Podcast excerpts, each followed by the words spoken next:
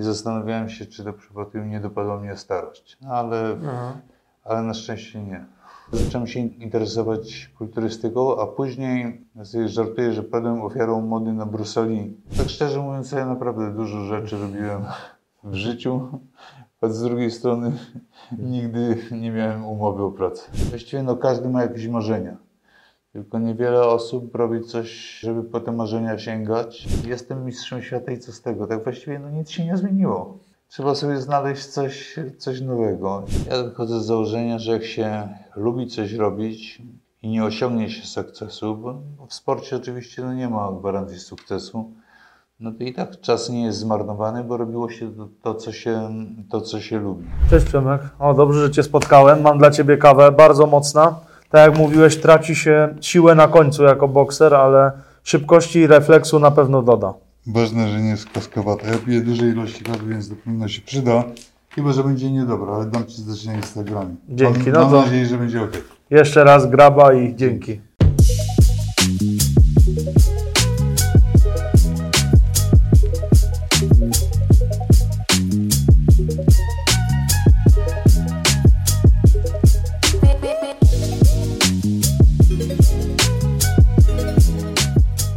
Cześć wszystkim, witamy serdecznie w podcaście Pomysł na siebie. Jest z nami dzisiaj Przemysław Saleta. Witam wszystkim, cześć. Cześć Przemek. Przede wszystkim mam pytanie, jak zdrowie aktualnie? Dziękuję. Aktualnie bardzo dobrze, choć ostatni rok był słaby, no ale na dzień dzisiejszy już wszystko jest ok. Mhm. I co się działo w tym ostatnim roku?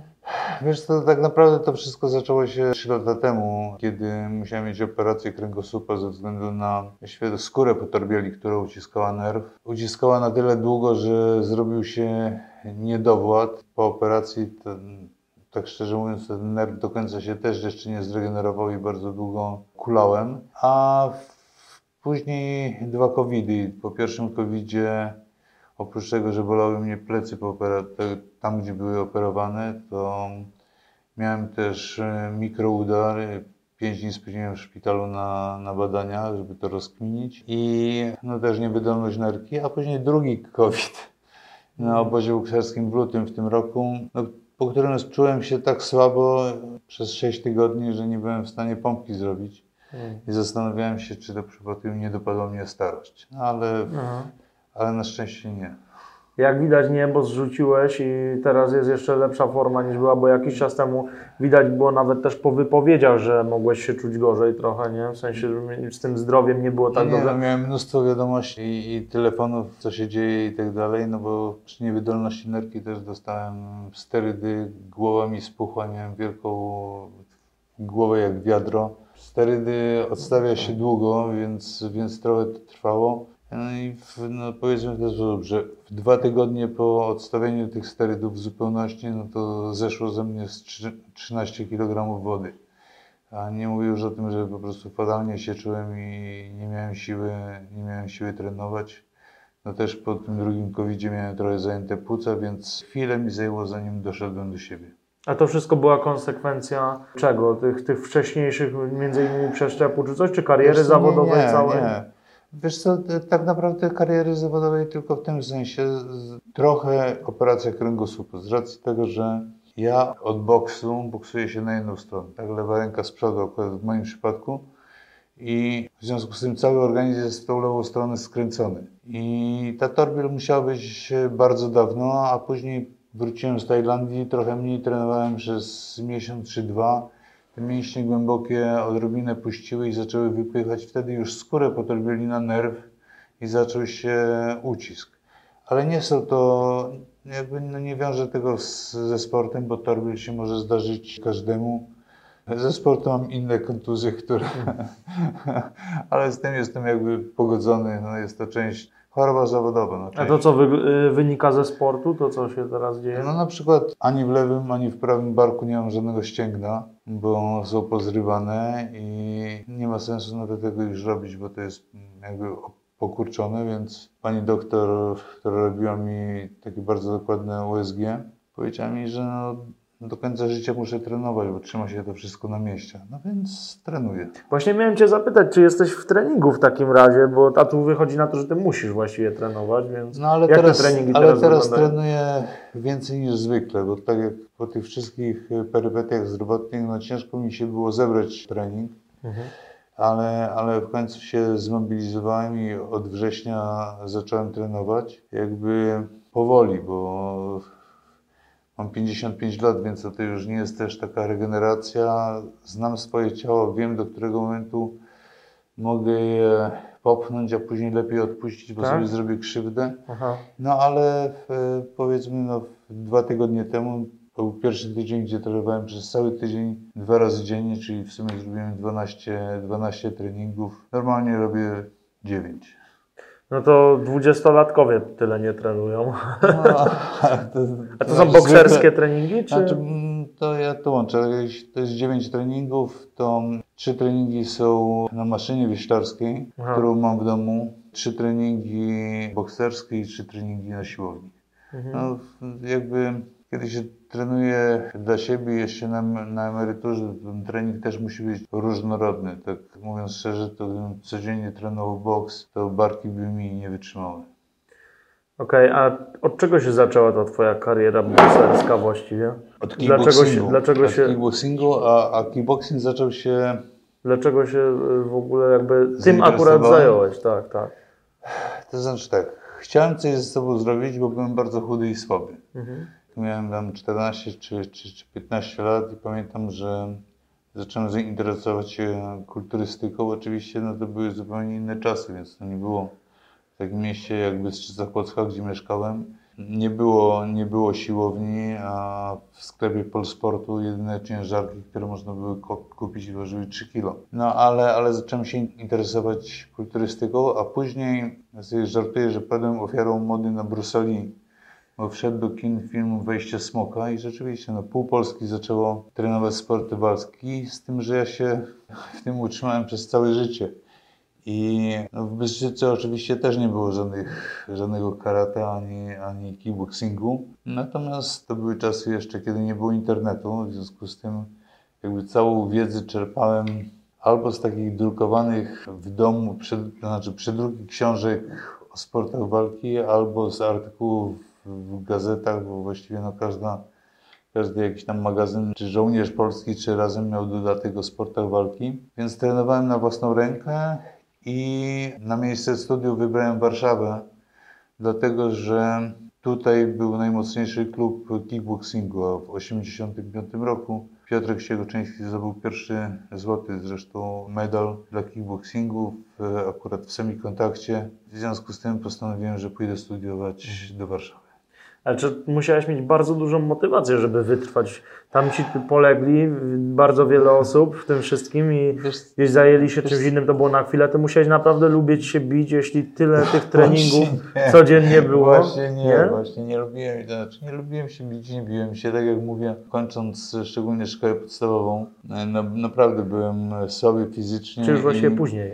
I, i pamiętam, pie- ty- zacząłem interesować się kulturystyką i chciałem trenować jakieś z ciężarkami, żeby, żeby nabrać swojej masy mięśniowej. To pamiętam, że pierwszy zapis miałem taki, że miałem 1,86 m wzrostu i ważyłem 62 kg. Więc raczej nie, nie chciałem i nie, nie lubiłem się bić. Natomiast to jest taki schemat. No najpierw właściwie no każdy ma jakieś marzenia.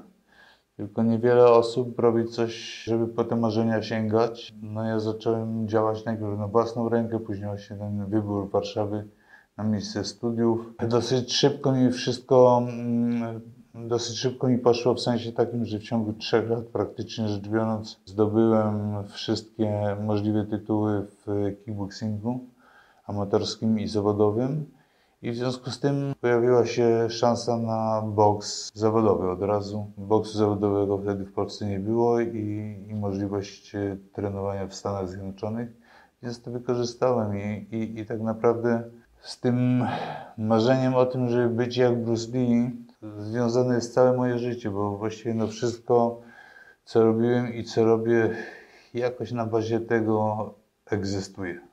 Tak, czyli poza walką jeszcze jakieś wnioski takie życiowe z tego. To znaczy, to znaczy to, no ja też, moi rodzice, moja mama jest nauczycielką. W związku z tym dużą uwagę przy, przywiązywali do nauki i boli ich zapewne to, że nie skończyłem studiów, ale też zrozumieli decyzję o rezygnacji ze studiów, a studiowałem na SGPisie, czy dzisiejszym SGH na handlu zagranicznym, bo wiedzieli, że ze względu na wiek na sport jest tylko jedna szansa. Mhm. I e, ja zrezygnowałem ze studiów, wyprowadziłem się za tym boksem zawodowym do, do Stanów i, i, i po prostu to się wszystko tak e, potoczyło. Miałem świadomość od samego początku, że sport zawodowy nie jest zajęciem na całe życie. Pod koniec 90, w grudniu 1995 roku wróciłem ze Stanów do Polski. Tak się zdarzyło, że zostałem zaproszony do studi- studia telewizyjnego Kanal Plus przez Janusza Basałaja podczas jakiejś tam walki bokserskiej, znaczy nie jakiejś, tylko e, Mike'a Tysona z Busterem Mattisem Jr. I, no i na tyle się sprawdziłem, że właściwie no cała, cała późniejsza moja praca związana była z pracą dziennikarską w, telewi- w telewizji, czy też byłem przez pewien czas szefem magazynu Gentleman. No, tak szczerze mówiąc, ja naprawdę dużo rzeczy robiłem w życiu, a z drugiej strony nigdy nie miałem umowy o pracę. Ale początki były trudne. No wiesz, no niekoniecznie Wiesz co, dzisiaj... początki były inne, to znaczy Mhm. ja na to nawet nie patrzyłem jak na, dzisiaj, tak z mojej No tak. perspektywy, dzisiaj jest po prostu łatwo. Tak? Dzisiaj jest, jak ktoś chce, jest łatwo, ale zdaję sobie też sprawę oczywiście z tego, że jednocześnie każdy ma dużo więcej możliwości, jest znacznie więcej pokus i w związku z tym no, nie każdemu chce się tyrać. A jakbyś dzisiaj miał powiedzieć osobom, które chciałyby się wybić jako bokserzy, bo wiadomo, że to nie, jest tylko, to nie są tylko umiejętności, ale też jakaś medialność, jakieś cechy charakteru. Co byś powiedział takim młodym bokserom? Znaczy, zacząłbym od tego, zacząłbym od tego, żeby nie bać się spróbować. Jeśli ktoś rzeczywiście chce i o czymś marzy, to trzeba, trzeba próbować. I ja wychodzę z założenia, że jak się lubi coś robić i nie osiągnie się sukcesu, bo w sporcie oczywiście no nie ma gwarancji sukcesu, no to i tak czas nie jest zmarnowany, bo robiło się to, to, co, się, to co się lubi. Więc e, Tak. nie można i, i, i tak naprawdę ja na przykład mam dużą trudność, żeby ktoś, żeby komuś powiedzieć, gdzie pracuję. Dlatego, że z mojej perspektywy to właściwie to wszystko, co robiłem w życiu, czy co robię, ciężko jest nazwać pracą, bo ja naprawdę jakoś tak praca to się kojarzy, że tak musisz iść gdzieś, umęczyć się i owszem, ja pójdę gdzieś umęczyć się, ale ja to naprawdę, naprawdę, naprawdę lubię.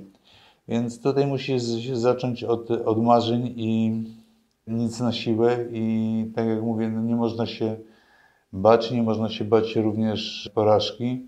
W boksie oczywiście, że to nie jest tylko technika, to jest przede wszystkim charakter, bo boks jest takim sportem, który wady charakteru obnaża bardzo szybko, bo po prostu boli, czasem boli, trzeba się z tym pogodzić, trzeba zaakceptować. Dobrze by było też, no może nie polubić bólu, ale naprawdę zaakceptować. Ym, Mówię, nie polubić, nie można polubić bólu w tym sensie, że przyjmowanie zbyt dużej ilości ciosów nie jest w kontekście kariery nie jest, nie jest zdrowe.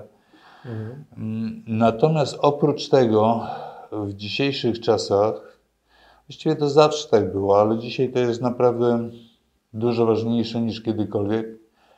Sportowiec jest produktem i tutaj nie chodzi tylko i wyłącznie o osiągnięcia sportowe, ale o, nie wiem, to się tak ogólnie mówi medialność, ale generalnie chodzi o to, żeby dobrze mieć trochę charyzmy, mówić, znać języki obce, mieć jakieś pasje poza sportem, interesować się, interesować się życiem i, i, i być dobrym w tym, co się robi najlepiej, czyli boks.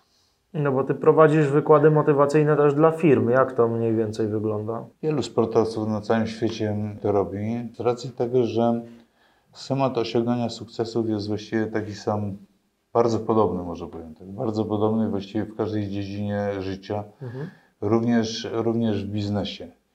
I, I tak jak mówię, wszystko zaczyna się od marzeń, później jest praca, po drodze trzeba nauczyć się jak pokonywać swoje słabości, jak się motywować, jak sobie radzić z porażka, porażkami, mm, jak sobie również radzić ze zwycięstwami, bo czasami człowiek sobie z tym nie radzi.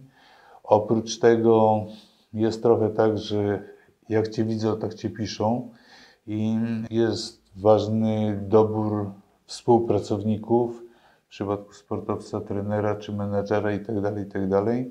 Więc schemat jest naprawdę bardzo podobny i sportowiec, który o tym opowiada, o swojej karierze, bierze też przykłady z karier innych znanych sportowców, no to po pierwsze dla słuchającego jest to interesujące, bo, bo to się słucha troszeczkę tak, no nie do końca jak wykład, tylko taką historię, historię sportową, a jednocześnie jak ktoś pomyśli, to, to wiele z tego może wyciągnąć. Mhm. No tak, to jest fakt. A powiedz mi, ty uniosłeś te zwycięstwa na przykład chociażby z Gołotą, to było takie bardzo mm, no, duże osiągnięcie w tamtych czasach, bo Andrzej Gołota to jest bardzo, bardzo dobry Znaczy, sportowiec. Więc... To nie były aż takie tamte czasy, bo to było 10 lat temu. Ja swój pierwszy sukces odniosłem, taki większy sukces w Mistrzostwie Europy zdobyłem w 1988, więc umówmy się 25 lat temu. No to Natomiast- powiedzmy, wróćmy nawet do tych wcześniejszych, z- E, takich 35, pierwszych, większych. Przepraszam bardzo, 35 lat temu. Zwycięstw. Boże, ile lat. No w każdym razie... Nawet jak to było właśnie, jak uderzyła ta fala popularności chociażby, czy, czy po prostu wygrywa się, z- człowiek myślał, że są, są bardzo dobrzy, lepsi, wygrają, a tutaj jednak... Trochę to chyba zależy od charakteru. Mhm. Poza tym jest coś takiego jak wyznaczanie sobie celów. I, i, I te cele, oczywiście jest, załóżmy, w życiu sportowca jest jakiś tam cel taki, nazwijmy to ostateczny, Mistrzostwo Olimpijskie czy Mistrzostwo Świata. Natomiast no, kiedy zaczyna się karierę sportową, no to nie ma sensu uznawać za cel Mistrzostwo Świata, jak nie wiesz, czy wygrasz pierwszą walkę. No. I, I w związku z tym dla mnie ustawiałem sobie szczególne, poszczególne cele, takie, które by mnie motywowały i dawały satysfakcję. Wygranie pierwszej walki, pierwszego turnieju, Mistrzostwa Europy, Mistrzostwa Świata. Później stąd też zmiana dyscypliny, żeby znaleźć tą nową, e, nową motywację. Natomiast pamiętam taką sytuację po, po walce o zawodowe Mistrzostwo Świata w 90 roku. Walczyłem z Tomem Holem w Operze Leśnej i na drugi dzień obudziłem się i pamiętam, pamiętam dwa takie odczucia. Po pierwsze, strasznie bolały mnie ręce od zadawania ciosów. Tam były takie bardzo małe rękawice i naprawdę 10 minut moczyłem te ręce w, w umywalce w gorącej wodzie, zanim mogłem zacząć nimi ruszać.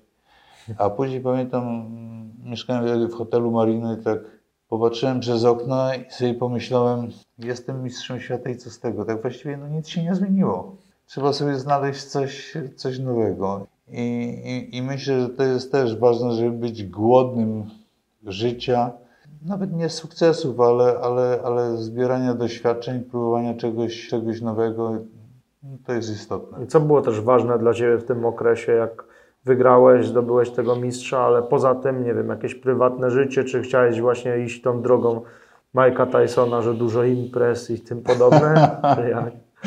Ci anegdotę.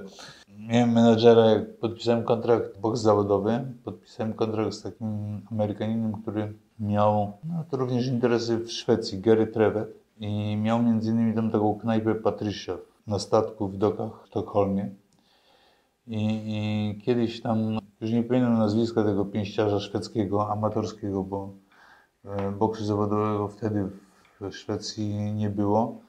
I, i w każdym razie no, ten, ten pięściarz tam zaczął jakąś zadymę robić w knajpie. No i mm, oczywiście podpity. No i ci ochroniarze tam zatrzymali go i zatrzymali go, przyprowadzili go do Gary'ego Treveta. A, mm, a gość mówi tak, Gary, podpisz ze mną kontrakt, ja chcę być jak Mike Tyson, bić kobiety. ale, to, ale to nigdy nie było, nie było, no, nie było moją e, wizją. Zresztą no, też no, nie osiągnąłem takich sukcesów w związku z tym. No, ta sodowa no, woda nie uderzyła mi do głowy. No, trzeba też wziąć poprawkę, że wszystko szło po kolei. Ja do, Mhm. do każdego sukcesu coraz większego miałem czas dojrzeć. Podobnie zresztą jakby do sławy, czy ra, raczej rozpoznawalności, bo jak zaczynałem, no to nie było. Dzisiaj, jak ktoś osiągnie sukces, tak znikąd, to wpada od razu na głęboką wodę, bo to jest e, przede wszystkim internet, media społecznościowe, hejterzy i tak dalej. Wtedy było wszystko powoli. Wprawdzie pierwszą okładkę swoją w magazynie sportowej zmieniłem w 1988 roku, ale to wszystko szło tak powoli. Człowiek miał po pierwsze czas do tego przy, przywyknąć, dorosnąć, zrozumieć też, e, łaska pańska na pstrym koniu jeździ. A kiedy pierwszy raz poczułeś tą popularność? Gdzieś na ulicy, czy jak to było? Wiesz co, ja czułem tą popularność już, już wtedy, pod koniec lat 80., czy na początku lat 90., bo w 90 i w 91, nie, chyba w 91 i w 92 byłem dwa razy w dziesiątce mm, najlepszych sportowców przeglądu sportowego. Poza tym te moje walki w kickboxingu, ta walka w kickboxingu, ta pierwsza na przykład z Tomem Holem, to była wal, pierwsza pro, zawodowa walka o Mistrzostwo Świata w czymkolwiek w Polsce, transmitowana przez, już nie pamiętam czy program pierwszy, czy program drugi telewizji publicznej, ale były tylko dwa kanały. Więc, więc jakby konkurencja jest No tak. dużo mniejsza niż, niż obecnie. Więc czułem to, ale Chcieli się z tobą sprawdzać na ulicy? Właśnie nie, nie, nie. To znaczy to chyba wynika też z tego, że no po pierwsze no ja jestem taką raczej pogodną osobą i poza tym trudno mnie wyprowadzić z równowagi, a poza tym chyba też nie szukam okoliczności sprzyjających do tego typu konfliktowych sytuacji, czyli ogólnie rzecz biorąc nie piję alkoholu, czy piję bardzo mało, nie przypadam za imprezami, gdzie zwykle takie, taka chęć spróbowania się z kimś teoretycznie mocniejszym podlewana jest alkoholem. Mhm. A powiedz mi tak z drugiej strony Twojej działalności, jak powiedzieliśmy o tych wykładach motywacyjnych, to jakieś obozy sportowe są w planach? Wiesz co, chciałbym do tego wrócić, to znaczy ja 4 lata spędziłem w Tajlandii. W 2014 roku wyjechałem na zimę do Tajlandii i, i zakochałem się w Tajlandii. Wyjechałem dlatego, że nie lubię zimy, mówiąc szczerze. Ale od tego momentu, jak, jak tam wyjechałem, to zastanawiałem się, jak sobie poukładać różne rzeczy tak, żeby większość czasu być tam, a nie tutaj. Szczególnie zimą. No i półtora roku później, mniej więcej półtora roku później, czy dwa lata później przeprowadziłem się i właściwie tam 80 czy 90% czasu spędzałem tam. Do Polski przyjeżdżałem, jak szczerze mówiąc, do pracy, czy zobaczyć się z bliskimi. Przez pierwszy rok, tak też szczerze powiedziawszy, to nie robiłem nic. Oprócz tego, że trenowałem. No ale też może się zacząć nudzić. W związku z tym zacząłem dawać e, prywatne lekcje boksu. Później spotkałem człowieka, z którym pomyśleliśmy, żeby zacząć robić również, ściągać ludzi z Polski na obozy i później też na treningi indy- indywidualne do Tajlandii, bo to jest naprawdę ide- idealne miejsce, żeby to robić. No po pierwsze pogoda, nawet jak pada to i tak jest 30 czy ponad 30 stopni. Po drugie jedzenie z założenia bez, bez, gluten, bez glutenu i bez laktozy. Przy tym mega smaczne, no bo jednak to jedzenie jest też sporą atrakcją Tajlandii. Świetne warunki do treningu. Człowiek męczy się szybciej, ale efekty są widocznie, widoczne też dużo szybciej. A poza tym ma wolną głowę, dlatego że można się od Tajów nauczyć na przykład takiego życia dni, dniem dzisiejszym. No, co wygląda, wynika trochę z buddyzmu. No, po prostu na przeszłości już nie zmienisz, na przyszłość tak nie do końca masz wpływ. W związku z tym ciesz się dniem dzisiejszym. A jednocześnie no, jak jesteś tam i nawet jest jakiś problem w Polsce, to i tak jesteś za daleko, żeby z tym coś zrobić. Więc zaczynasz luzować, a później okazuje się, że no niepotrzebnie się przejmowałeś, bo to jakoś się i tak poukładało, więc to jest naprawdę, no, Wuwej. to jest naprawdę taki, można osiągnąć naprawdę fajny stan umysłu. No z tym, że sprawa się skomplikowała ze względu na COVID, bo w pewnym momencie prowadzono nam takie restrykcje, że naprawdę, szczególnie w sytuacji, kiedy mieszkałem na wyspie, bo mieszkałem na Samui, to porobiło się naprawdę źle. I to co się tam działo? To znaczy nic się nie działo i stąd był, stąd był problem. Wszystko było zamknięte, nigdzie się nie E, można Większość, ruszać? większość barów, restauracji była zamknięta. No też Azja jest specyficzna. Tajlandia, na przykład no, no, rząd tajski w żaden sposób tam tym ludziom nie pomaga, a jak żyją z turystyki, jest zakaz przyjazdu i tak dalej, i tak dalej, albo bardzo skomplikowane procedury, Mhm. no to cierpią. I Samui, wyspa Samui dla turystyki została dosyć późno odkryta, to tak naprawdę dopiero po tsunami, a wcześniej wszyscy, tych mieszkańców było mniej, ale żyli z rybołówstwa, z, żyli z, z palm kokosowych. Mhm. Natomiast no, potem turystyka zaczęła, zaczęła się rozwijać. Przestawiono się oczywiście na turystykę i w momencie jak COVID zamknął świat, cały świat tak naprawdę w ciągu dwóch tygodni, no to jest problem, tak? Bo jeśli na przykład masz, nie wiem, wypożyczalnię skuterów, tak? I masz 40 skuterów, a tych wypożyczalni tam jest mnóstwo i nikt tego nie bierze, no to co z robić? To samo dotyczy oczywiście restauracji, No salonów masaży, hoteli i tak dalej, i tak dalej. Tak, to fakt. W takim razie życzę Ci, Przemek, żebyś się tam przeprowadził, żeby były takie warunki, żebyś mógł, przede wszystkim zdrowie, żeby dopisywało. Chciałbym zobaczyć rewanż z Adamkiem, ale pewnie już się nie zdarzy. Nie, nie, nie, nie. Z Najmanem nie zawalczysz. Ja nie raczej. zawalczę. Nie, Chyba, że na miecze. Nie, ja już świetny chyba. Szczerze powiedziawszy, no to już nie wystąpię w żadnej poważnej walce, bo z kilku powodów. No po pierwsze, boks jest dla, dla ludzi młodych. Oczywiście waga ciężka jest specyficzna i masz 40 lat, czyli to nie jest jakoś tam bardzo dużo. No ale 55 to już jest dużo, to jest po pierwsze. Po drugie, nie byłoby fair, gdybym wziął pieniądze za coś, czego nie mogę w 100% zrobić dobrze. Ponieważ nie mam ścięgien, ścięgien w barkach, jak Ci mówiłem, to, no to oczywiście lubię boksować, kocham boks, uwielbiam treningi, biorę udział w, od czasu do czasu w jakichś walkach charytatywnych, ale nie potraktowałbym tego jak pracę i nie wziąłbym za to pieniędzy, bo nie jest, jestem po prostu niezdolny do tego, żeby dać z siebie 100%. Mhm. Z kolei żadne propozycje z freak fightu mnie nie interesują, bo no, uważam, że jak ktoś już ktoś był w, w sporcie na wysokim poziomie, to po prostu nie wypada, a poza tym już zrobiło się tego za dużo i, i sam osobiście mam, mam przesyt. Nie, żebym oglądał, tylko po prostu słuchanie o tym, ale mam przesyt. Choć, choć uważam, że to ciągle może przyciągnąć takich ludzi, którzy nie interesują się sportami walki do normalnego boksu czy, czy MMA. Także jeśli już, nie no, z 1 kwietnia boksuję z prezydentem Kalisza, oczywiście jest to walka charytatywna i a to czy pokazowa, to już zależy od prezydenta. No to się rządzi innymi prawami, wi- wiadomo jak to jest, ale na pewno ciekawie będzie zobaczyć chociażby no, jak uderzasz, nawet jak to będą wiadomo jakie charytatywne ciosy, no bo umówmy się, jeśli chodzi o samo uderzenie, to ono na pewno nie słabnie, pewnie szybkość z powodu na barków czy coś pewnie tak, ale sama siła uderzenia, no nie, to... No, to znaczy, to zostało, mówi się, że pięściarz z wiekiem pierwszy co traci to refleks nogi, szybkość, siła ciosu zostaje, Mhm. Tak. y, odchodzi ostatnia. Tak, tak. No i życzę, żeby jak najdłużej była. Dzięki bardzo. Przemek. Żegnamy się, cześć. Cześć.